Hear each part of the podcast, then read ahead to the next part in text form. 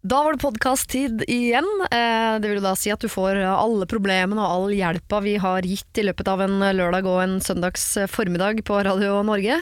Eh, Men du slipper jo da musikken og reklamen og alle de tingene der. Eh, Men det du får istedenfor, er at jeg står her og skravler i starten. Eh, eh, Jeg vil påstå at det kan Jeg skal ikke si noe. Jeg skal ikke si noe om det. Jeg skal si noe om hvem som skal være rådgivere. Det er jo da Henrik Thodesen og Jannicke Wieden. Og i utgangspunktet så var det ikke Henrik Thodesen som skulle komme hit. Eh, Men han kastet seg i en taxi for å være sammen med oss, fordi han som egentlig skulle være her, han hadde blanda datoer da, ikke sant. Så han var ikke på plass. Men Henrik kastet seg i en taxi og kom ned hit. Og jeg var ikke klar over at Henrik og Jannicke Wieden driver og lager podkast sammen. Eh, Så det var jo, De kjente hverandre jo mye bedre enn jeg eh, hadde trodd på forhånd. Og det som skjer når de kommer inn i rommet her, er at Jannicke det første hun sier er sånn I dag har jeg en dårlig dag. Og hun var veldig tungpusta, jeg så at hun var Hun var liksom ikke helt til stede. Eh, Men vi pusta med magen og fikk det ned, og resultatet av det skal du nå ha foran deg. Du skal få noen problemer og noen løsninger, og en, ja, mer enn ellers mye fjas. Men det tror jeg du takler på en dag som dette. Siri og de gode hjelperne. Lørdag og søndag fra 09.00 på Radio Norge. Da har vi fått helgens gode hjelpere på plass, og det er eh, som sagt allerede programleder Jannicke Wieden og komiker Henrik Thodesen. Hei, hei! Hei! Hei! Eh, Når jeg inviterte dere, så var ikke jeg klar over at dere to eh, også jobber sammen. Dere to, liksom. Ja da. Bortpå der. Vi fant ut at det var på tide å, Ja. å samle oss i en slags eh, symbiose av eh, problemer og humor. ja. Jeg er jo en slags eh, Litt sånn artig siden vi er her i dag og skal løse andre folks problemer. Jeg er jo på en måte Jannikes personlige problem, eller sånn ikke-problemsløser. Eller for eh, Det kom ut feil, Jannike. Fordi det er ekte problem for deg, men ikke for meg. Nei. Men hva er, det, altså, hva er det dere jobber med sammen? Dere skal uh, Vi lager en podkast som Ja. vi kaller Bagateller, som egentlig baserer seg på litt sånn ilandsproblematikk vi opplever i, i hverdagen. For meg så kan det ut, utarte seg litt mer voldsomt enn hos andre mennesker. Ja. Eh, og jeg er jo eh, en eh, godt voksen eh, tobarnsmamma med et langt ekteskap bak meg og diverse, mens Henrik lever livets glade dager. Eh, uten ansvar. Og sier at han kjenner seg mer igjen i min sønn på 16 enn i mitt liv. Ja, men han spiller veldig mye Fortnite. Ikke at jeg gjør det, men jeg kan kjenne meg igjen i det. Ja. Åh, jeg skulle ønske vi hadde Fortnite-problemer i dag, fordi min sønn også spiller veldig veldig mye Fortnite. Ja, ja, ja. Og det syns jeg er problematisk. Det som er problematisk, er at nå har han begynt å kle seg i Fortnite-klær.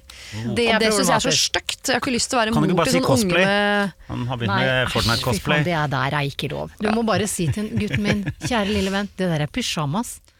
Ja, Det var må- mitt triks. Ja, kanskje Ja. det funker. Ja, fordi de blir så lei seg når jeg sier at klærne deres er stygge. Men du må ikke si det, du må si det er pysj. Det sa jeg om alt det var Lyne McQueen på da min unge var liten og Lyne McQueen var Men eh, se på selvutnevnte verdens best kledde mann Jan Thomas. Han gikk jo i pysj på fest i fjor sommer, husker jeg. Men ikke si det til sønnen til Siri, da. Ja, Nei, men, okay, nei, greit, greit. Nei, jeg, jeg, jeg, bare, jeg bare nevner det, at folk som mener at de er godt kledd, går også i pysj. Ja da, Og sant. skryt. Wow, det var en lekker Canvas, nei, hva heter det? drysj. Ja. Det er en pysjdress. Blanding av. Nei, så er, det er jo uh, litt sånn problemet for eh, en med og en uten angst her, da. Ja, jeg skjønner. sånn. Det er ikke bare angstrelatert. For jeg, jeg gikk jo fra å være hun blide folkelige på TV, til hun som fikk panikkanfall på TV. Ja. Det var en litt sånn underlig Reise. reise, reise for min del, i og med at den eh, såkalte panikkangsten og angsten har fulgt meg siden jeg var åtte. Ja. Eh, Den bare dukka opp på et eh, ugildt tidspunkt på God morgen Norge for en tid tilbake. ja, så gikk det fra å være hun blide joviale til hun med angst. Det stemmer. Og Jannicke og jeg driver med ekstremsport sammen. Ja, det gjør vi Ja. òg. Ja, for å drive med er buldring, altså denne Ja, klatring klatring, uten ja. tau, det anses som ekstremsport. Nei da, men det er jo det er litt gøy at det er en sånn Det er en litt sånn redselsfylt sport. Ja, Men, men det er jeg ikke redd for, da. det er jeg ikke redd for. Nei.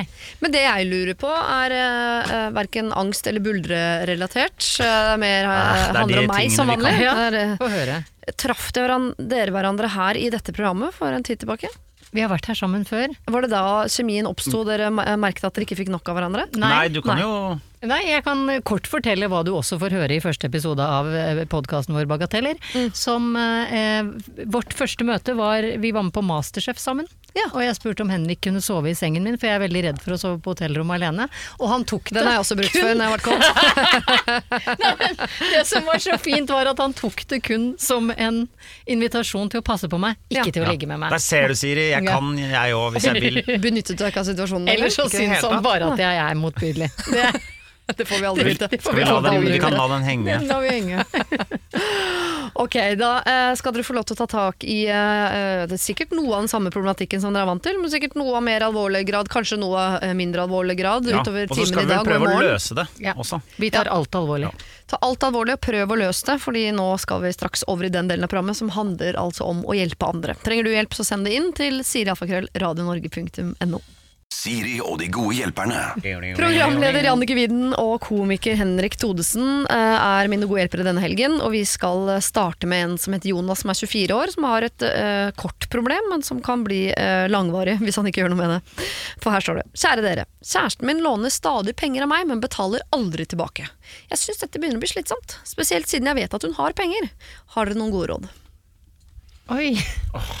Er ikke det Det er ikke mye informasjon vi får her, men, Nei, nei, men det enkleste er jo bare innimellom å sende en sånn der Vips-greie. Ja, å, med sånn det har jeg gjort. For de gangene Hvis hun låner eh, 100 kroner, så bare sender hun sånn Vips-oppkrav på 100 Jeg kroner håper det er mer enn 100 kroner. Jo, jo, men hvis du skjønner. Bare hver gang hun, Fra nå av, hver gang hun låner, så bare send det. Det er den enkleste utveien. Ja, men det er på en måte også den rareste Jeg er helt enig. Jeg sier ikke at det er den beste, jeg sier at det er den aller, aller letteste. Ja, Ja. Og minst personlige. Helt, helt upersonlig. Vi liker jo ikke personlig Ja. kommunikasjon. Hvis du også vår- er hypp på å slå opp med dama di, så er det en gyllen mulighet til å bare begynne. Det er en teknisk veldig god løsning, men uh, lik, litt grann awkward når dere Ja. sitter i samme sofa og du får en sånn pling Ja, fra typen der borte. Men du er enig i at ja. det er tekniske løsninger jeg er best på? Absolutt. Ikke sant? Ja, ja.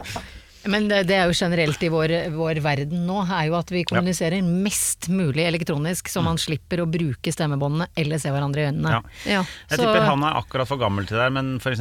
de som bare er 15 nå, de kommer til å kommunisere sånn. Ja. Ja. Ja. ja. Tror du ikke det? Åh, da blir min jobb enkel etter hvert. Jeg kan bare ha med en IT-ekspert her som god hjelper hver eneste lørdag og søndag. Du må jo bare få deg app. Ja, alt er app. app, app, app, app.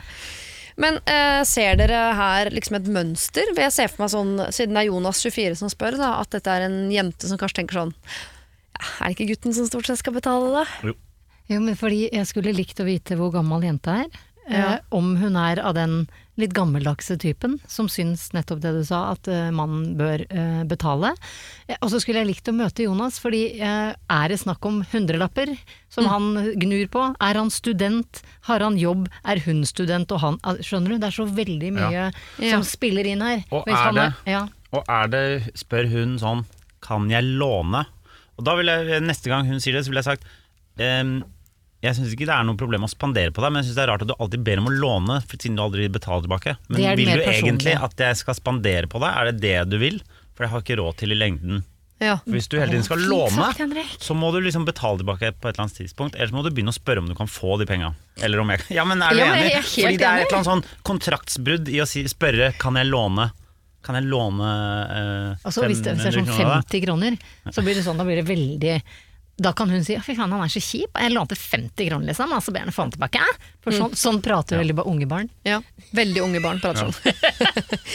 jo, men jeg, eh, jeg vanligvis ville jeg vært enig med deg, fordi eh, jeg liker at man tar opp ting i den situasjonen hvor det oppstår. Mm. Ikke sant? At man tar det der og da.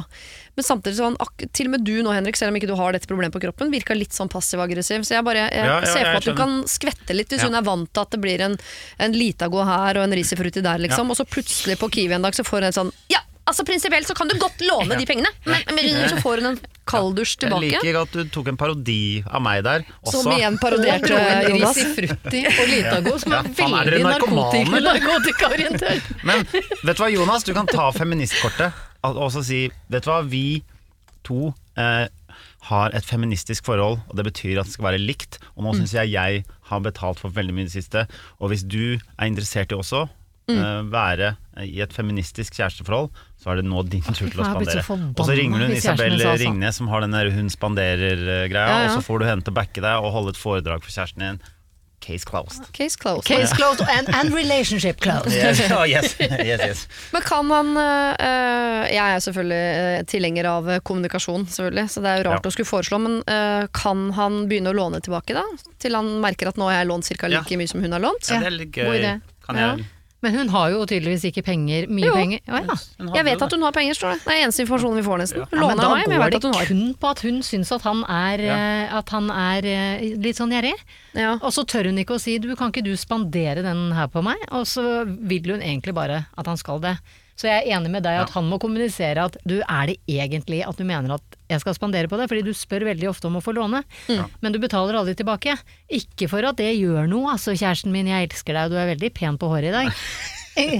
Ja, ja. Eh, Men, eh, men la, vi må begynne i forholdet vårt nå som har kommet såpass langt at vi kaller en spade en spade. Eh, Er det et lån, eller er det en spandering fra meg? Ja, for det er noe romantisk med sånn å spandere en middag eller en kino. og Det er romantisk begge veier, bare for å være politisk noe- korrekt. Ja, ja. Men det er ikke romantisk å spandere en Litago på en tirsdag klokka to, liksom. Og så er det ikke noe romantisk å, å, å låne penger av kjæresten sin heller. Nei, Nei. det er sant. Så la oss få det over i spandering, eller Spade, Gjør det om spade, til spade. ekte lån. Ja. Her, eh, Jonas, har du fått oppgave av oss eh, å eh, begynne å kalle en spade for en spade. Du må rett og slett spørre kjæresten din neste gang anledningen byr seg og hun vil låne penger. Så må du spørre rett ut. Ja, er det det at du skal låne penger, eller er det det at du vil at jeg skal spandere? Hun kommer til å bli perpleks, litt rann sår, kan komme noen tårer, det må du takle. Men så slipper du å låne bort noe særlig penger etter det. Det føler jeg meg ganske trygg på. Siri og de gode hjelperne. Radio Norge. Du hører på Radio Norge, og denne helgen er det komiker Henrik Thodesen og programleder Jan Kviden som er mine gode hjelpere, og vi skal nå prøve å hjelpe en mann på uh, bare 20 år, uh, som skriver Jeg er singel og interessert i et forhold. Men jeg har en fortid med rus og psykiske problemer, og har problemer med dating ettersom jeg aldri føler meg bra nok. Angsten tar overhånd. Hvordan kan jeg håndtere angsten og kanskje dermed komme meg på en date, spør han. Jeg, jeg har tenkt at han lurer på liksom, øh, flere ting. Når skal jeg si dette til den jeg eventuelt dater? Hvordan skal jeg øh, takle å gå på date? Hvordan kan jeg liksom forberede meg, osv. Mm. Og er- fordi Ja, fordi vi tar utgangspunkt i at det er selve det forholdsgreiene. Det er ikke det at han plutselig skal begynne med rus i, i, i forholdet, eller hva.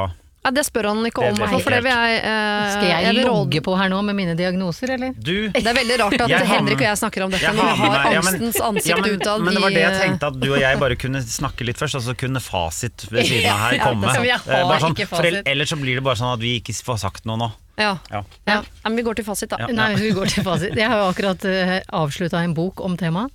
Uh, jeg er ikke frisk. Om rus?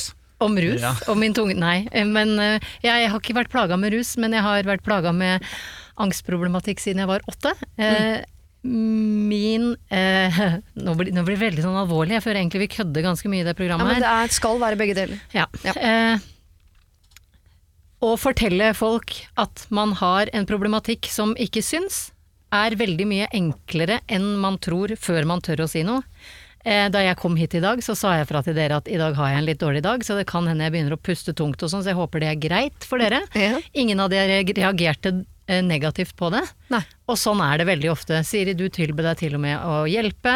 Eh, andre som er i rommet her, eh, tilbød å hente vann og drikke. Og det er sånn, folk vil veldig gjerne hjelpe. Ja. Og idet du går på en date, og, det, for, og for, for all del, jeg får sånn gåsehud av å snakke om det, for jeg har jo så veldig mye på hjertet.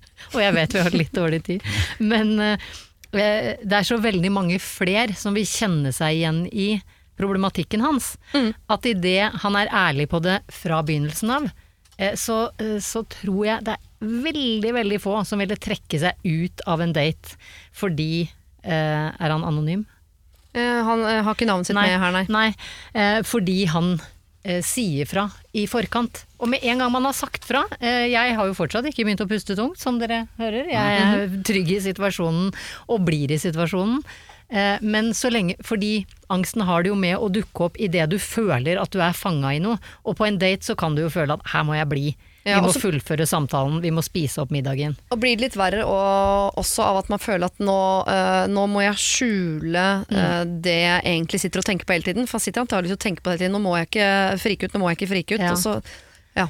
Og jeg, jeg pleier å si at eh, fordi folk lider av migrene, de blir veldig godt forstått. Eh, epilepsianfall blir godt forstått. Har du en leamus på øyet som du sier at den er irriterende. Ja, det får jeg masse forståelse for, Ja. eh, for det er jeg litt plaga med, faktisk. Men, men dette er jo ting som hjernen styrer av seg selv, og sånn er det med et panikkanfall. Og det er ikke noe du kan eh, Det er ikke noen som kan si til deg du ta deg sammen da, tenk på noe annet. Se, se på den gule bilen der. det, det hjelper ikke, fordi det er så mye fysiske mekanismer i gang. Eh, men i det han eh, jeg vil anbefale at første date er å gå en tur i et område han er trygg på. Ik ikke liksom eh, sette seg ned hvor det må bestilles mat, du vet ikke hvor lang tid det tar du får maten. Du gjør det veldig enkelt. Spør om du skal møtes for å gå en tur eh, i en park i nærheten eller et skogsholt, sånn at han Kanskje kan ikke langt inn i Nordmarka, for det er litt sånn skummelt for første date langt inn i skogen. ja, det det høres skummelt ut, ja. men liksom sånn eh, eh, Vær ærlig på at eh, til tider så får jeg litt sånn eh, ubehag som jeg ikke har helt kontroll på. Eh, så har du fortsatt lyst til å møte meg, så tar jeg gjerne og går en tur, eller bare tar en, en vandrende kaffe. Ja, Bare for å komme til kjernen av timingen her, på en måte, så da mener du at hvis han først har øh, kanskje øh, matcha med en på Tinder, som Ja. jeg har lært meg at det heter nå, Ja. så før man eventuelt skal treffes, så sier man fra. Eller ville du hatt det liksom i profilen på Tinder? Sånn, Nei, det hadde jeg ikke. Knut, Det øh, hadde jeg ikke Nei, men jeg følte sånn, eller Hvis man øh, chatter litt sammen, og så er det sånn eh, og man kommer dit hvor man skulle dra på en date, så kan man si du, jeg er ikke så glad i sånne sånne settinger med uh, ukjente folk og sånn. Kunne vi gjort dette og dette, for da føler jeg meg tryggere. Da.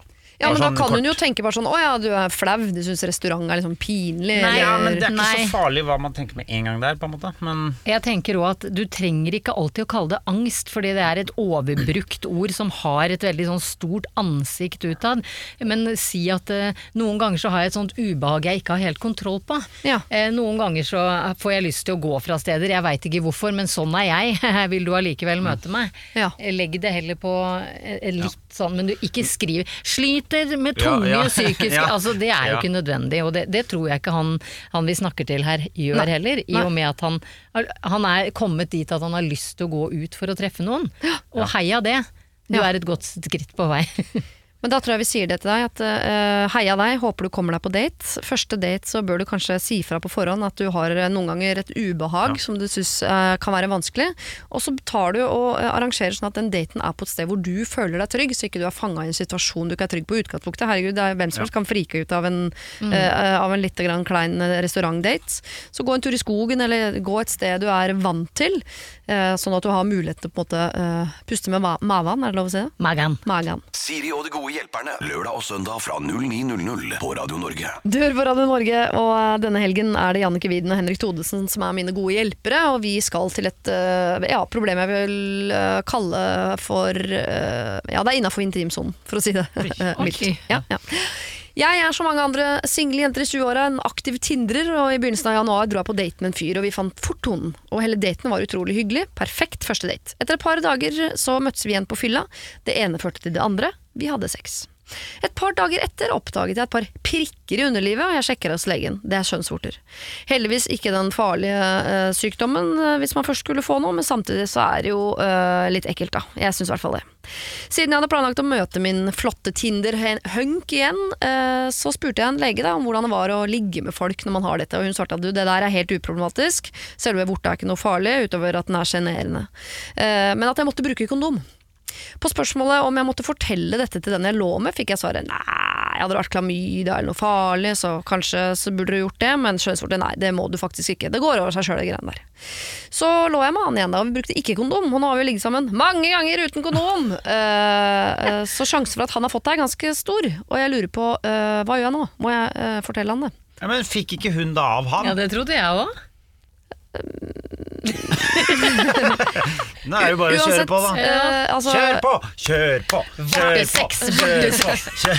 Her er det noen uh, vorter som er ute på vandring, Ja. uh, og Men da bør man vel ta en prat om det? Nei. Ja. Så, le, nei, men eh, legen sa jo at dette er ikke farlig, så da, og det går over av seg selv. Ja. Eh, Så han sitter jo da og skreller eh, forhuden vekk og ser Gjør man ikke det? Ikke- ikke- Er det utenpå Du forhuden? kan bare, Jeg bare kom en liten advarsel før du maler ut sånne bilder, Jannicke. Vil jeg Men han har jo meg og oppdaget lytterne og alle i rommet her. Og det var liksom Det var, det var voldsomt. Det var bare det jeg ville si, Jannicke. Det var litt Ja. voldsomt. Unnskyld. Si det en gang til. Ja. Nå kan du si det. Når han oppdager at han også har vorter, hvor nå enn de dukker opp, Ja. så har nok han akkurat samme problematikk som henne. Ja. Han tenker også Eller å, han har jo kanskje han, Jeg tenker jo at hun har fått det fra han, da. Det hørtes jo sånn ut. Hun Ja. lå med han, og så fikk hun det rett etterpå. Det er altså, Med mindre hun ligger Jo, men det er med en tre-fire aktiv andre. tinderer. Eh, Hva betyr det, du Henrik? Betyr det at man Betyr han, er mye på? Tinder. Det, bet, det, er, eh, det er vel en eh, pen omformulering av 'jeg, Jeg ligger ligger med med så mange folk jeg klarer', ja. Ja. Ja, ja. Ja, før det blir for seint. Men uansett, de er eh, tydeligvis to stykker som ligger sammen, ofte uten kondom, og den ene gir den andre Altså denne Ja. eh, vorta, ta den ene, la den vandre, går fram og tilbake fra Ja, kjønn ja, til kjønn. ja. Ja. Men på et eller annet tidspunkt Men- så må eh, Varer vortene lenger hvis begge har det? Jeg, eh, Her har vi ikke jeg har ikke denne ekspertisen Nei. i dette. Men er, ikke det, er, det sånn, er det en sånn greie som alle har, men ikke nødvendigvis blir noe av? Hva da? Vort? Hva da? Er det, er det Nei, det er også? herpes. Men kommer, men kommer det mange, kan det komme mange ganger og sånn? Jeg kjenner at det er en Google- lege her. Jeg har en legevenn, skal vi ringe han? Jeg orka ikke å google kjønnsvortere, for jeg, er mest glad i billedsøk. Jeg kan Men det er en sånn Ja. Men det er jo ikke en Men hva vil det, ok, La meg snu på spørsmålet. Da. Du har akkurat truffet en jente, Henrik. La oss si det. La oss si det. Ja. Eh, og så viser det seg at hun plutselig en dag eh, har kjønnsvorter. Når Ja. vil du ha den beskjeden? Og hvordan? I hvilken situasjon, osv. Jeg vil ha den før jeg ligger med henne. Du, ja, det er for seint. Å ja, det er for seint. Nei, da trenger jeg ikke det. Så vil du ikke vite. Men idet du oppdager vorta selv, Ja, ja. vil du da Da vil jeg Spørre hjemme henne? Nei, da vil jeg sitte hjemme og skammes. og rugge på badet rugge? til den er borte. Så pinlige ting som oppstår mellom to mennesker der nede, men som ikke er farlige, det bare lar vi være å snakke om. Ja. Ja, i hvert fall når det går over av seg selv, og du ikke trenger medisiner. Altså Legen sier det, jeg stoler på legene. Jeg òg. Ja. Ja. Skal vi begynne å snakke om kjønnsvorter og ikke ta vaksiner og alt mulig nå? da? Nei. Nei, ikke Nei. sant? Nei, Vi gjør som legen sier. Vi gjør som legen sier.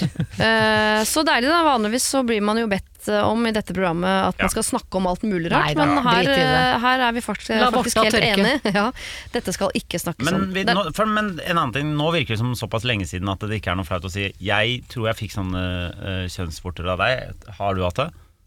Ja? Ja, ja. Nei? Ja, Har du det nå? Nei, nå er det ferdig. ja, at du kan Ok, spørre han. greit.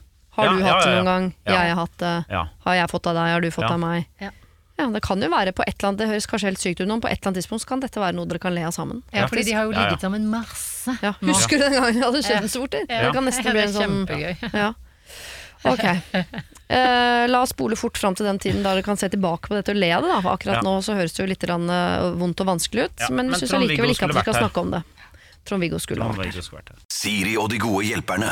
Send oss en e-post på siri at radionorge.no. Dører på Radio Norge, hvor eh, jeg, Siri Kristiansen, for øyeblikket sitter alene. Vanligvis har jeg to gode hjelpere ved min eh, side, men jeg har eh, kastet dem ut av studio for et lite øyeblikk. Ikke for å være frekk, rett og slett for å gi det et lite pusterom.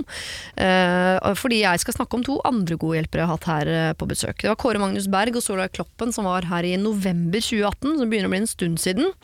Eh, så hvis ikke du husker Linn, som vi da prøvde å hjelpe, så er det helt greit. Eh, Linn hadde vært på storbyferie i Europa, og eh, når hun kom tilbake fra den storbyen, så hadde hun matcha med en utrolig kjekk fyr på Tinder. De har chatta, hatt en god tone, utveksla nummer og ble enige om at neste gang hun skulle til den byen, ja, så skulle de møtes. Nå skulle hun til den byen igjen på jobbreise, men på denne jobbreisen så kom det også til å være med en kollega som også er utrolig kjekk. Enda kjekkere enn han fyren som hun hadde matchet med på Tinder.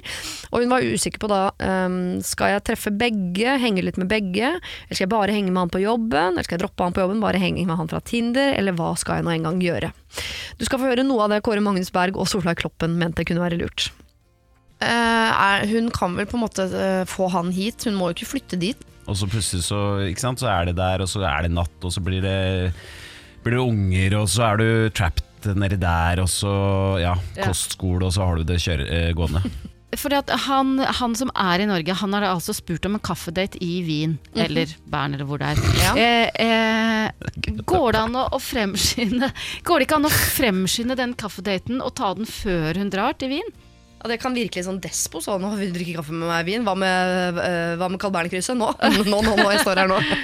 Linn, jeg vet ikke hvem du føler deg mest hjemme i, om det er meg eller eh, Kåre Magnus eller Solveig, men jeg tenker at du her kan si ja takk begge deler. Jeg. Ja. Og jeg mener også at du kan si ja takk begge deler høyt. Altså sånn at begge deler hører at du har sagt ja takk til begge deler. Det tror jeg kan være litt sånn spennende, og da får du i hvert fall den der filmatiske, romantiske helgen som du jo egentlig har lyst på. Kåre Magnus Berg Solveig Kloppen eh, prøvde her å hjelpe Linn 15.11.2018. og Hvis du vil høre det i sin helhet, så må du altså da laste ned podkasten.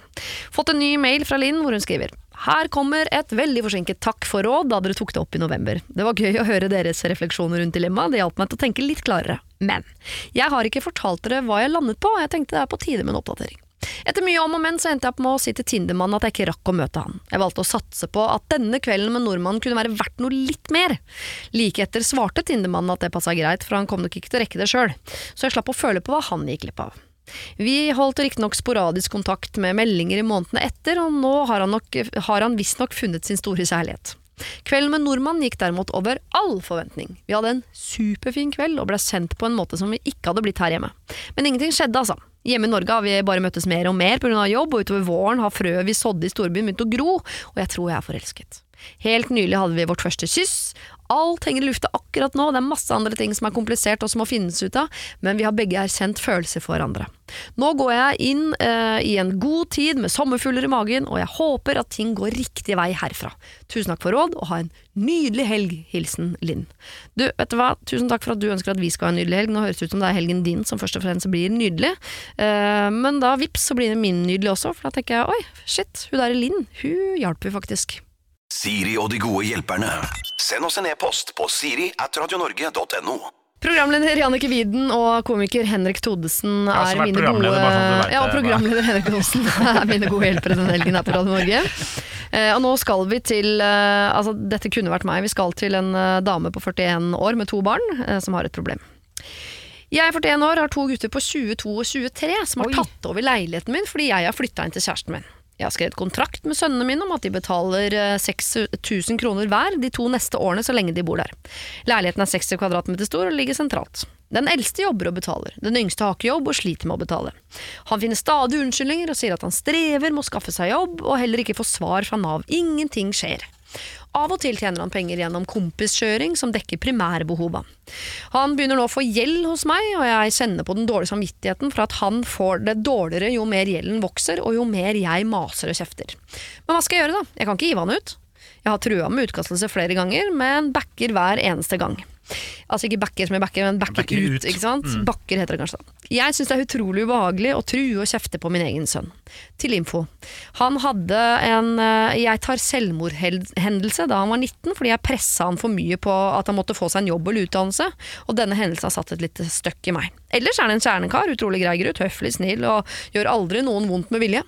Men hvordan skal jeg få han til å ta ansvar? Det er rett, for jeg må selge den nye bilen for å få ting til å gå rundt sjøl. Jeg har snakka med flere av vennene mine som sier at det høres frustrerende ut, men ingen har konkrete råd. Hilsen anonym. Å, fy fader, det der reiv i mammahjertet mitt i hvert fall. Ja, Ja, da hadde jeg slitt skikkelig, skikkelig, skikkelig med Jeg hadde flytta Er- hjem igjen, jeg. Han er 22 uh, år og bor da i en leilighet som skal eldste- koste 6000 kroner i måneden å leie, og han, uh, så langt har han ikke betalt. Men han, han på 20 betaler. Han på 23 betaler, oh, ja, ikke han på 22. Han på 22. Så hun går jo 6000 i minus da, hver eneste måned. Jeg gjør hun det, fordi de betaler bare ned lånet, tenker jeg, på leiligheten. Er det det der? Hun kan jo be om rentefrihet. Nei, unnskyld, hva heter det? Fradragsfrihet. Ja. Og da- Rentefrihet er gøy å spørre om. Ja. Kan jeg slippe renter? Jeg mente, jeg mente fradrag. Eh, Jo, men får du ikke litt Jeg skjønner at dette er vanskelig, og man vil alltid uh, hjelpe barna sine, og alt det der, men får du ikke også litt inntrykk av at her har vi med en mor å gjøre som uh, aldri har på en måte gjennomført trusselen, truslene sine? At ja, det er en som at trusler. Ja, så Ja. lenge jeg ikke Det går bra. Mamma ja. er så snill, hun kommer aldri til å si noe på dette her allikevel.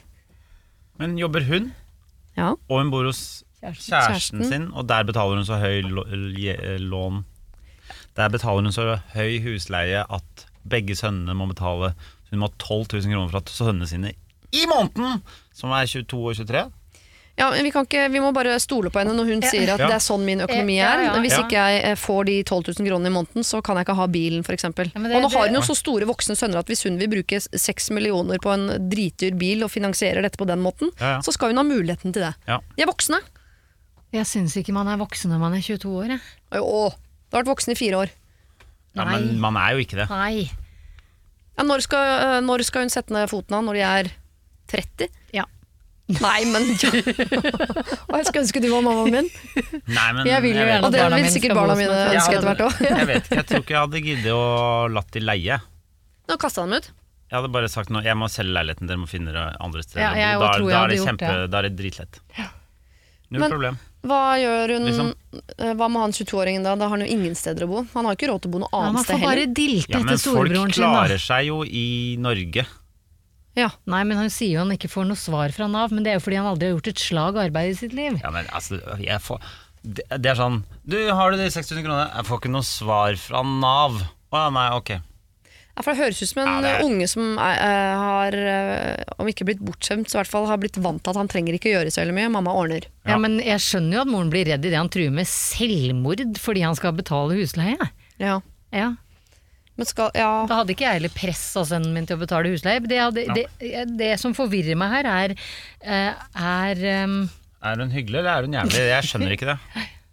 Om være- eh, mammaen her er Ja. hyggelig. Ja, eller jævlig. Hvis du, du, du presser sønnen din sånn at han skal ta livet sitt, check jævlig.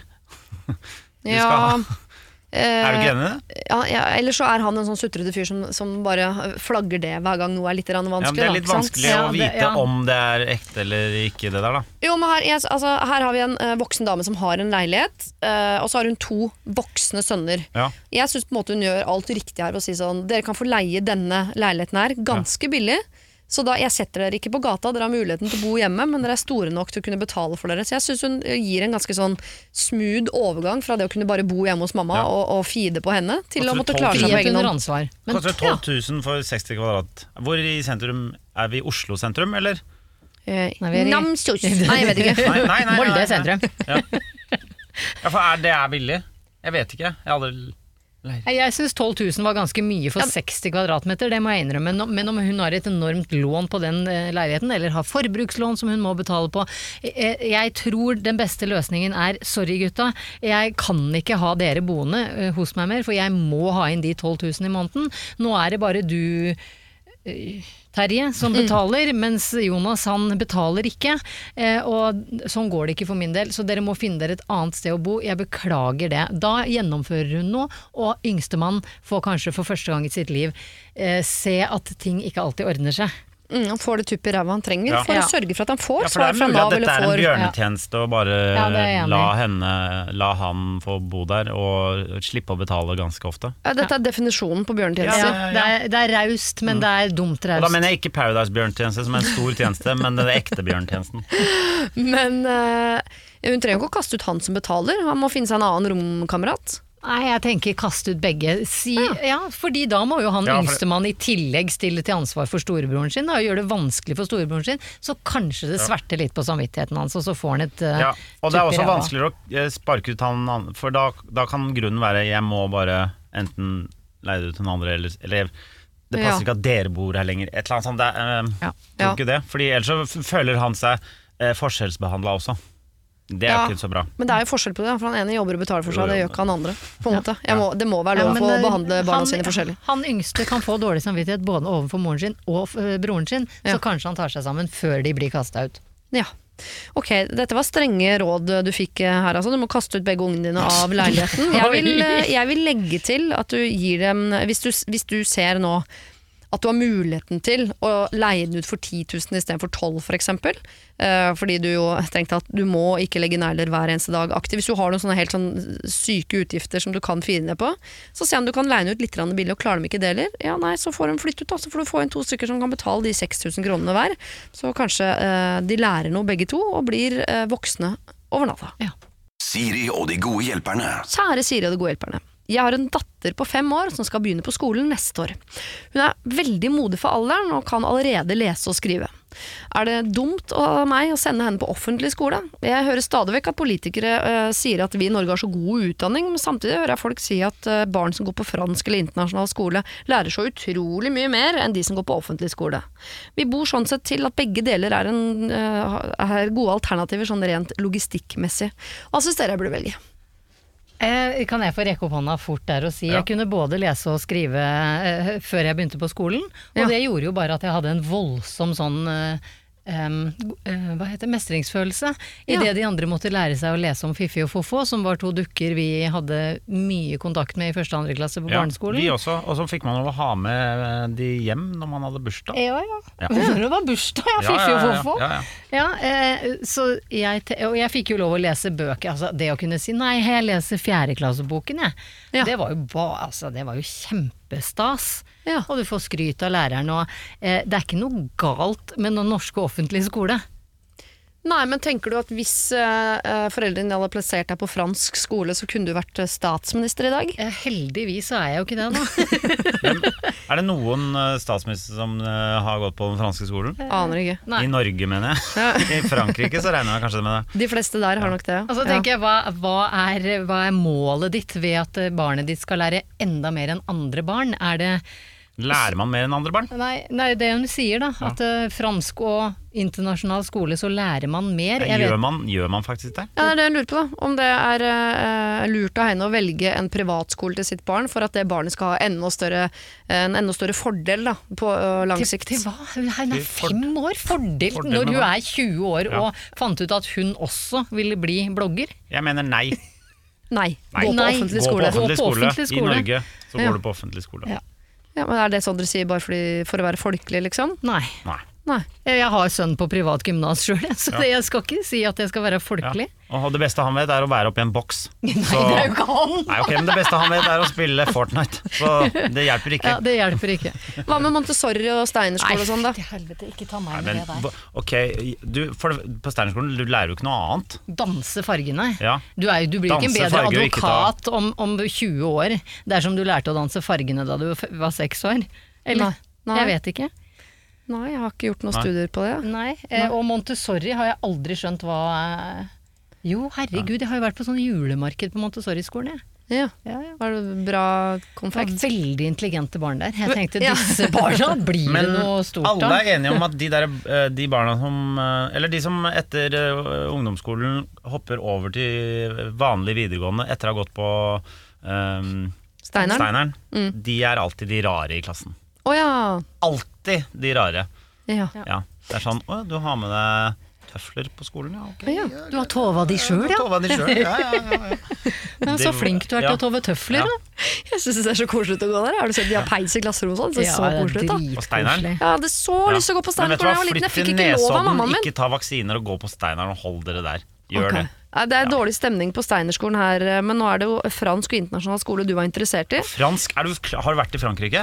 De er en gjeng med assholes. Gjerne hvis du vil at eh, barna dine skal være sånn. Og jeg Kjør bor på. rett ved den franske skolen i Oslo, og jeg bor rett ved andre norske skoler i Oslo. Og jeg går ikke forbi den franske skolen og tenker «Hm, her var det mye oppegående barn. Og så kommer jeg opp til da Uranienborg med dette pakket som går her, fysj! Kan dere ingenting, barn?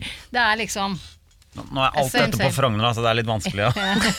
Ja. Men hun er jo på Frogner, hun Ja, hun er det. Hun sier hun har tilgang på alt mulig Ja. i nærheten, så Men hvorfor skal du betale for noe som uh, mye penger for noe som ikke er noe særlig bedre? Nei, Det er gode spørsmål dere stiller. Mm. Jeg synes egentlig Det beste eksempelet vi har her på å kunne nærme oss en fasit, er at vi da tydeligvis har en Eller kunne du også lese og skrive før du begynte på skolen, Nei, Henrik? ikke i det hele tatt. Nei, hvorfor skal jeg gidde det? Absolutt ikke. Hva, hvorfor skal man det? Nei, Hvem, er- hva, hvorfor gjør man det? Jeg hadde ikke noe annet å gjøre. Jeg er fra en øy med ingen mennesker på. Tønsberg? Oh, er jeg er ikke Tønsberg, jeg.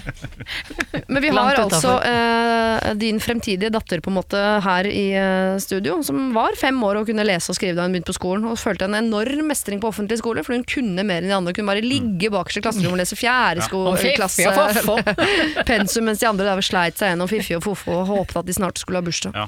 Nei, vi slår et slag og, og det gikk bra med, det gikk, bra med Jannicke. Nå lever hun av foredrag og syns det er skummelt å ta buss. ja, Så det kan gå veldig, veldig bra.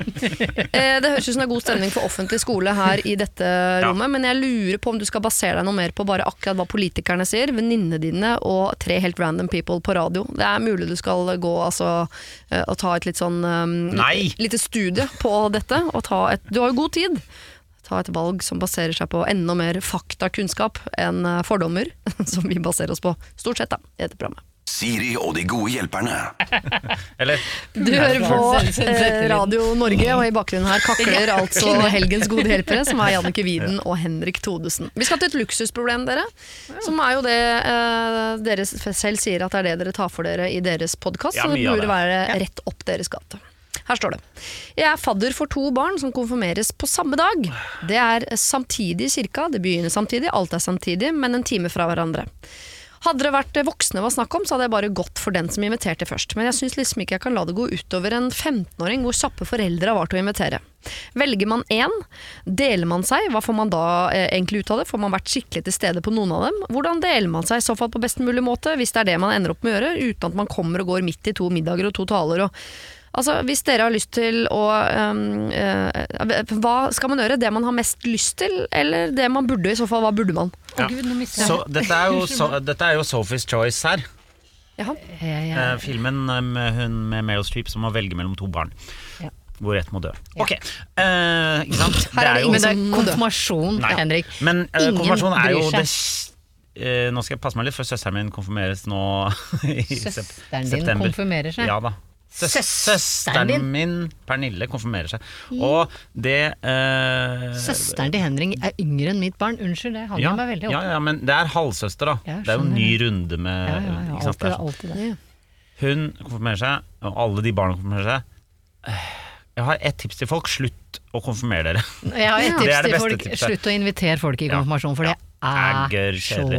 Men eh, jeg vil, s- eh, det dummeste er å prøve å få med seg begge. Ok, For hvorfor da, det? For det, da blir begge litt skuffa. Altså? Kan, kan I beg to differ? Altså, jeg hadde en konfirmant i fjor. Ja. Hvem som kom eh, i den konfirmasjonen han, altså, han kunne ikke brydd seg mindre. Nei. Det eneste han gjorde var å stå og telle penger og se på gaver. eh, og litt sånn jo, men- klein under talene. Eh, eh, og så lenge det kommer gave fra vedkommende, så Ja. skal jeg love deg at konfirmanten jubler. Dette høres ut som en veldig ansvarsfull eh, fadder, som tenker at fadderbarna sine er så Ja. begeistra. Kan jeg bare skyte inn en ting? Ja. Det er jo overhodet ikke på noe tidspunkt eh, for fadderen man gjør dette. Det er jo for de dumme foreldrene som har tatt det dumme valget om å døpe ungen sin. I utgangspunktet. Det er, og derfor er du fadder. Hæ? Nå kaller du meg dum. Ja, hvorfor har du døpt barna dine, da? Er du så opptatt av at de skal bli oppdratt i den kristne troen? er du så opptatt av det, Ja, det er jeg. Tror jeg ikke noe på, du lyver. Og så det Eh, men, Nei, men du er jo der bare for foreldrene. Ja, altså, også- Hvis du har et forhold til en av de to konfirmantene som er kjempebra, så gå i den. Ok. Så du mener også at man skal eh, velge én av eh, konfirmasjonene, være der hele tiden, men gi gave til begge? Absolutt. Ja, absolutt. Eh, Og min, min løsning hadde vært, fordi jeg hater sånne tilstelninger, vær snill ikke inviter meg i konfirmasjon, eh, det hadde vært eh, Beklager så mye, tusen takk for invitasjonen. Jeg håper dere får en fantastisk dag. Dessverre er jeg okkupert den dagen og, og hindret i å komme, Ja. men her har dere gaver. Så du hadde kjøpt deg ut av problemet og ikke gått Det til noen av dem? Stemmer. Jeg hadde, sagt det, jeg hadde sagt det til begge. Jeg òg. Men la oss anta at uh, innsender her hun uh, er glad i begge de to barna. At hun har gjort det hun skulle gjøre som fadder. Hun har fulgt gjennom oppveksten, vært sammen. Mm. Kanskje har vært på ferier sammen, Mm, feiret alle bursdager. Akkurat det vet jeg ikke, men uh, at, hun, at hun er oppriktig glad i begge barna og ønsker å være til stede for begge. Ja. Hva er mest rettferdig da, å velge den som inviterte først, eller eh, dele seg? Eller, Du går i middag til den første, og så tar du kaffen hos den andre. Null problem. og hvor skal man gå i kirka da? Eh, uff. Ingen av de. Det er, da, du bare sier at du er i kirka Ja. til den andre, så slipper du å gå i kirka. Det, det er mitt tips. Ja. Men hvis du veldig gjerne har lyst til å gå i kirka, så Da tar du den nærmest der du bor. Du begynner på den konfirmasjonen som er nærmest der du bor, i og med at det er én time fra hverandre. Ja. Der tar du kirken og middagen, og så tar du eh, kaffen og, og klemmene på ettermiddagen på den andre. Ja, for jeg ville også tenkt hvem av foreldrene her har du det morsomst med på kveldstid? For jeg ville tatt det, det formelle hos de kjedeligste. eh, Og så ville jeg endt opp der hvor det er morsomst. Fordi jeg, jeg, altså jeg er jo konfirmert borgerlig for 350 år siden. Du blander to ting her, morsomt og konfirmasjon. Jo, men det, Jeg bare, det kan jo hende at det er, den ene konfirmasjonen er sånn som varer utover kvelden. At foreldrene syns det er gøy. At det blir litt sånn Ja. eh, ja, hvis det er sånn, så er det jo Ja, Så da er det det, er jo ikke å ende vanskelig opp. i det hele tatt. ja, for jeg tror min konfirmasjon var ferdig klokka halv tre. Da hadde vi spist Ja noe laksemos og noe rullekake, Ja, ja. og så var det ferdig. ja, men Det Liksom. er sånn alle konfirmasjoner er, er det ikke det? Ja, det var det trodde jeg jo. Ja. Det er derfor jeg tenker kanskje hun ikke rekker begge. Jeg tror ikke hun rekker begge, men ja, eller så får de bare si jeg kommer i kirka til deg, og så er jeg middag Men, hos de men kom invitasjonene samme dag? Nei, hun eh, takket ja til den ene før hun ta, fikk den Ja, men andre. Ja, men er da jo er jo problem solved. da er problem solved. Beklager, Ja. jeg har takket ja til en annen, men jeg kan komme i kirka til dere, eller komme etterpå til dere. Det er kjempelett. Ok, så hun må fortsatt gå i begge. Og ta med tu på Tusenfryd isteden. Nei, hvis hun føler voldsomt øh, øh, Hvis det gnager veldig, Ja. så stikk innom den andre etterpå. Men du sier 'beklager, jeg har blitt invitert til den, og jeg har sagt ja'. Ja. Jeg kan ikke få, det er jo ikke noe Jeg det, hun, hun må jo bare gjøre det, for hun kan ikke nå gå tilbake og si 'sorry, jeg har fått en annen invitasjon, så jeg må gjøre det også'. Nei, det er enig. Den hvor du først takket ja, dit må du Ja. uansett. Den ja, andre blir bonus. Og det er der må du være i den øh, lunsjen, middagen. Ja. Kanskje du kan ta kirka til den andre? Å ja. Fordi Ja, nå- ingen bryr seg egentlig om du er i kirka. Nei.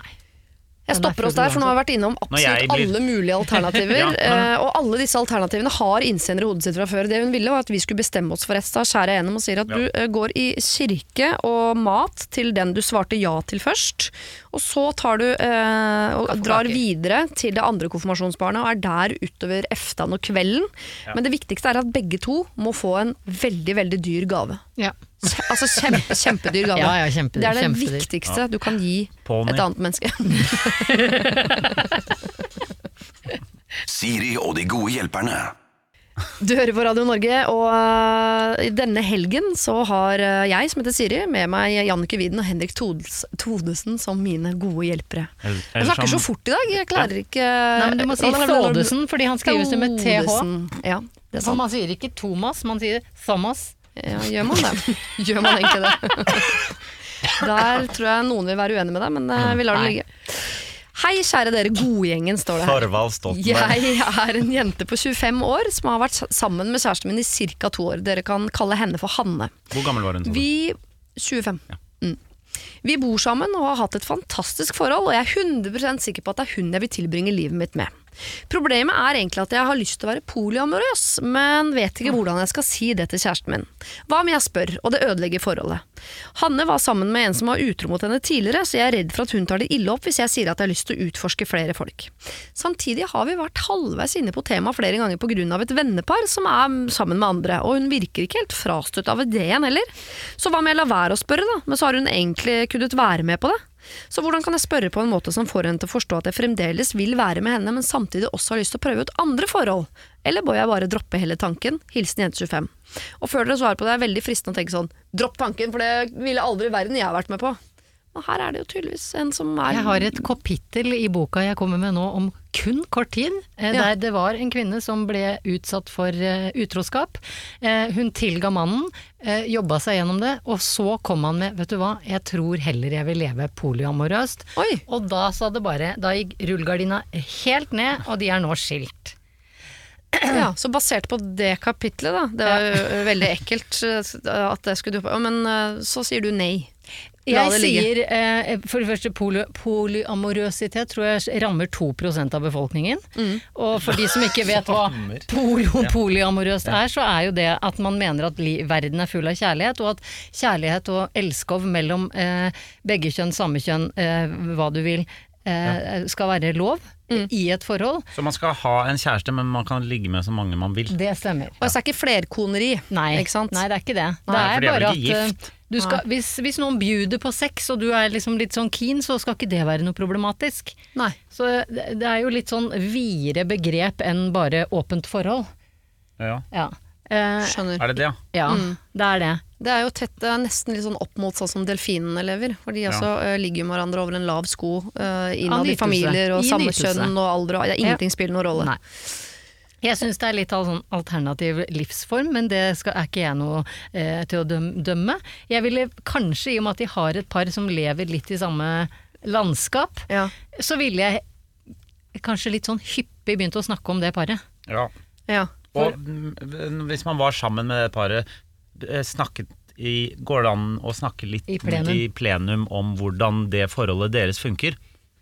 På en Ja. måte, sa, hvor Hvordan- alle fire er syns der. dere om det? Hvordan, går funker det for dere? Hva, hva er det egentlig dere Og, driver og med? da kan de gå hjem på kammerset. Ja, og og så er det litt det sånn videre. Hva syns du egentlig om sånn livsstil, da? Og hvis hun sier ja, vet du hva, det hadde jeg aldri blitt med Nei, ikke Ja, sant, da da svaret. Ikke jeg heller.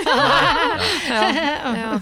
Ja. for det er litt typisk at man legger det fram sånn Oi, det syns jeg hørtes litt sånn skummelt ut, ja. Så Ja. vil den andre også tenke sånn Å, hun syns det, ja, da må jeg også late som det er det jeg syns. Mm. For det er jo noe med at man prøver å nærme seg det den andre antageligvis tror. Fordi, som hun sier, at hvis man Hvis man legger det fram sånn jeg, 'Jeg har lyst til å prøve dette', og det er helt feil, så kan man jo nesten ikke se hverandre i øynene igjen. Nei, jeg, bare, jeg ser for meg lokføreren komme hjem med et sånt Ja, forslag. sånn, jeg hadde jo skilt meg på Jeg kunne tenke meg å liksom bare drive og ligge med masse andre folk. Ja. Er det greit?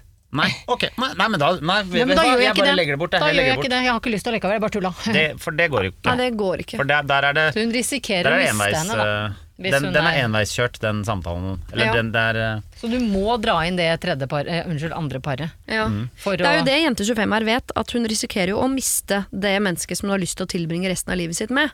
Men samtidig så vet hun også at eh, selv om det bare er 2% ifølge deg, Jannicke, som er polyamorøse, så, så det vil jo si at det er en viss sjanse, veldig liten, Ja. for at også denne kjæresten er polyamorøs. Selv om de kjenner to til, så det er jo sånn statistisk sett sånn ja, Det høres ut som det andre paret var mer sånn åpent forhold, lov å daske litt her og der, den andre vet om det.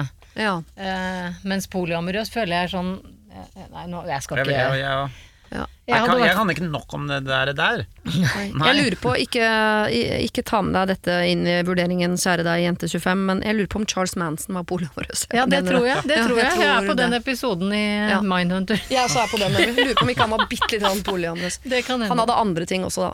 Ja. Andre issues. Det var ikke det verste med han. Det var absolutt ikke det verste med han. Nei, Nei. nei. Men uh, ja, jeg håper ikke til hun driver og Det er ikke noe, det er ikke noe skjære ut noe Nei, ikke sant? Det tror jeg Nei, ikke. nei, Det tror jeg Jeg tror det, det konkrete rådet må være å, å bare snakke med de to andre, hvordan det funker for de, og så liksom sånn helt sånn tilfeldig Mm. Hva syns du om at uh, Kristin og Viola Ja. Ja, Ja. enig. Hva kalte du de? Kristin og Viola. og Viola. Kristin og Viola, ja. Heng litt mer med Kristin og Viola. Nei, men det er jo Eh, bare å kjøre middag. Skulle ikke vi tatt en middag med de, og så pensla inn på det en eller annen gang, og så Når du kommer hjem, så snakker du om det. Ikke om Ikke i fylla. Ikke fylla. Nei. Nei. Nei. Dette er en samtale som du snakker om mer som en sånn uh, nysgjerrighet rundt tematikken, hvis du skjønner hva jeg mener. Ja. Det skal ikke være sånn, ikke legg det fram som et konkret forslag, for det er umulig å trekke fra bordet igjen hvis den andre eh, er kritisk. Så ikke legg det fram som et forslag, ikke si at dette er noe du nødvendigvis vil, men uh, gå forsiktig fram, legg det fram sånn Oi, det er jo en veldig alternativ livsstil, hva tenker du om det? Helt åpent, vær verken kritisk negativ eller veldig positiv til livsstilen. Og la det ligge litt på eh, dama di. Føl deg litt fram på hva hun mener om det, og så kan du skyte fra høfta. Siri og de gode hjelperne. Lørdag og søndag fra 09.00 på Radio Norge. Du hører på Radio eh, Norge, og helgens gode hjelper hos meg er Jannike Widen og Henrik Todesen. Og eh, vi skal hjelpe en jente som skriver Hei! Jeg har en venninne med mange kule klær. Hun er min klesinspirasjon, og jeg kjøper ofte like klær som henne. Hun har gitt meg linker til Instagram-kontoer og blogger som også kan inspirere, men jeg syns det tryggeste er når jeg ser klærne live. Eh, Og gjerne på venninnen min, da. Dessuten gjør det min jobb og min research mye enklere. Vi ender derfor eh, ofte opp med mye av det samme. Hvor greit er det hele tiden å kjøpe det samme som venninnen din? Jeg vet hun syns det er irriterende, men herregud, det er jo så farlig? Ja? Hilsen den irriterende parten i et venneforhold. Gi meg valgfritt navn. Um, Claudia. Claudia. Oi, Ja.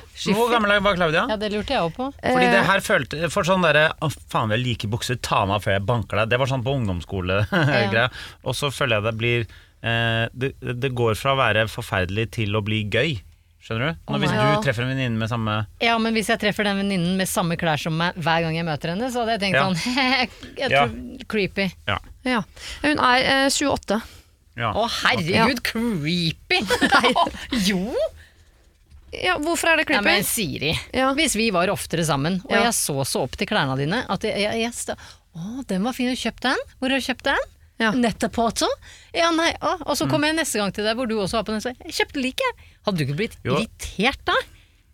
Jo, det merker jeg. Ikke, Ja. ikke én gang, for jeg spør jo ofte hvis jeg ser fine klær på folk, så spør jeg hvor det er fra. ja, Så kan jeg ende opp med å kjøpe likt. Men hvis jeg Ja. hele tiden kopierte den samme Det er jo Enslig ung kvinne søker, har dere sett den? Eh, det har jeg. ja, filmen? Altså, klipper, Jeg er enig i at det, er litt, Og, litt, eh, det er litt, Crazy creepy. Ja. Town-aktig. Mm. Ja. Men er det, hun spør er det så farlig, da? Ja. Farlig er det jo ikke. Det er ikke farlig, men det er bare sånn Man, man bare tror det er noe gærent. Ja, Ja, jeg, jeg Man, man, jo føler det som, man føler det som en sånn stalker move. Ok. Det ville jeg, det ville jeg gjort. Jeg òg ville gjort det. Nå er det ikke så farlig med gutter, for det er litt sånn Og har du også olabukse og T-skjorte? Fy fader! ja. Nei, men men da er det jo da, Nå Claudia, Claudia da, som jeg kalte henne, spør Jeg vet eh, hun syns det er irriterende, men herregud, er det så farlig? Ja, det er litt farlig, for hun Ja, kan fordi- faktisk bli så irritert en dag at du Det går ikke er å sammen med deg. sånn, ja, men vi, å, ja, Hun syns det er irriterende, men jeg må få lov. Det er det samme som å si neger til folk. Det er sånn, ja, men Jeg mener jo ikke noe stygt med det, jeg bare sier det fordi det er det jeg syns det er ikke heter. så farlig, men hvis det er så farlig, ja. Det er Ja. litt det samme. Det er litt det samme. Eller stå eh, eh, og si 'lufta er for alle' til folk mens du driver og Ja. gestikulerer rett foran fjeset deres hele tiden. Veldig Hvis man gjør noe som man veit at andre syns er irriterende, men Da er tenker er er ikke så farlig, da er du jævlig irriterende. da. Ja. Slutt med det. Slutt med det. Og du er 28 år, det er på tide nå å ha skjønt sånn i hvilket landskap du liker at klærne ligger. For hvis du går inn på HM og ser Du ser jo klærne på dokker og sånn der. Det er, Ja. Ja. Finn deg en dokke du liker, pleier jeg å si. Pleier ikke å si det. Ikke si det. Pleier ikke å si det. Nei. Nei, men kan man snu det til noe som kan knytte disse jentene sammen? Fordi det er et kompliment også. Si sånn, Ja. vet du hva, jeg syns du er så utrolig Ja. flink til å kle deg, og jeg har jo ikke lyst til å kle meg akkurat som deg, så det skal jeg slutte med. Jeg skjønner at det er Ja, irriterende, men men, kan kanskje gå- du kan hjelpe meg Det er en veldig lur løsning. Kan dere ikke gå og kjøpe klær sammen? Ja. Så Ja. slipper dere å kjøpe det samme. Og så kan til og med venninnen ta det på seg, så ser du ja, det ser fint ut på henne, da Ja. gjør det det på meg òg. Og jeg prøver det jeg òg. Og så får dere bestemme hvem som skal kjøpe antrekket. Ja. ja. Så gjør om det å være irriterende og creepy til å være en som en eh. Søker råd. Ja, Som søker råd. Det liker venninner veldig godt. Ja. Eh, sånn 'Å, hun kommer til meg!' Altså Det tar man som et kjempekompliment. Eh, og vil ha hjelp fordi hun syns at jeg har så utrolig fin klesstil. Da går Gjør du fra stalker til venninne. Det er jo dødshyggelig. Det er mye, mye hyggeligere. Ja, og jeg vet at hun syns det er irriterende, men herregud, er det så farlig? Ja, det er litt farlig Ja. å være en irriterende venninne. Ja, Fordi da ryker det på huet og ræva ut på et eller annet tidspunkt av det vennskapet. I like klær. Ja, og da hjelper ikke hvor kul den buksa er, på en måte. Nei. Nei. Så sitter du der med pretaporteren din, eller hva det heter. Pretta porter-buksa di. Pretaporter. Eh, men det holder ikke. Du vil heller ha det vennskapet enn den kule buksa. Så eh, be om hjelp. Eh, slutt å være irriterende. Dere, det var siste problem vi rakk i dag. Mm. Tusen takk for hjelpen.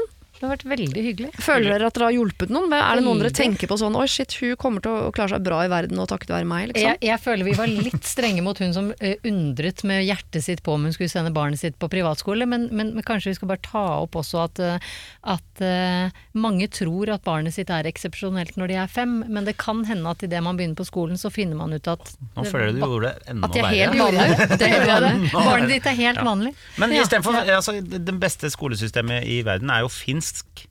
Eh, Ja. Så kanskje hun bør sende barnet sitt På på, kost- finsk på skole. kostskole finsk i skole, ikke fransk. Altså, hvis du vir virkelig ønsker barnet ditt godt, så flytter du til Finland. Ja. Ja. Det er det beste rådet vi kan gi. Ja.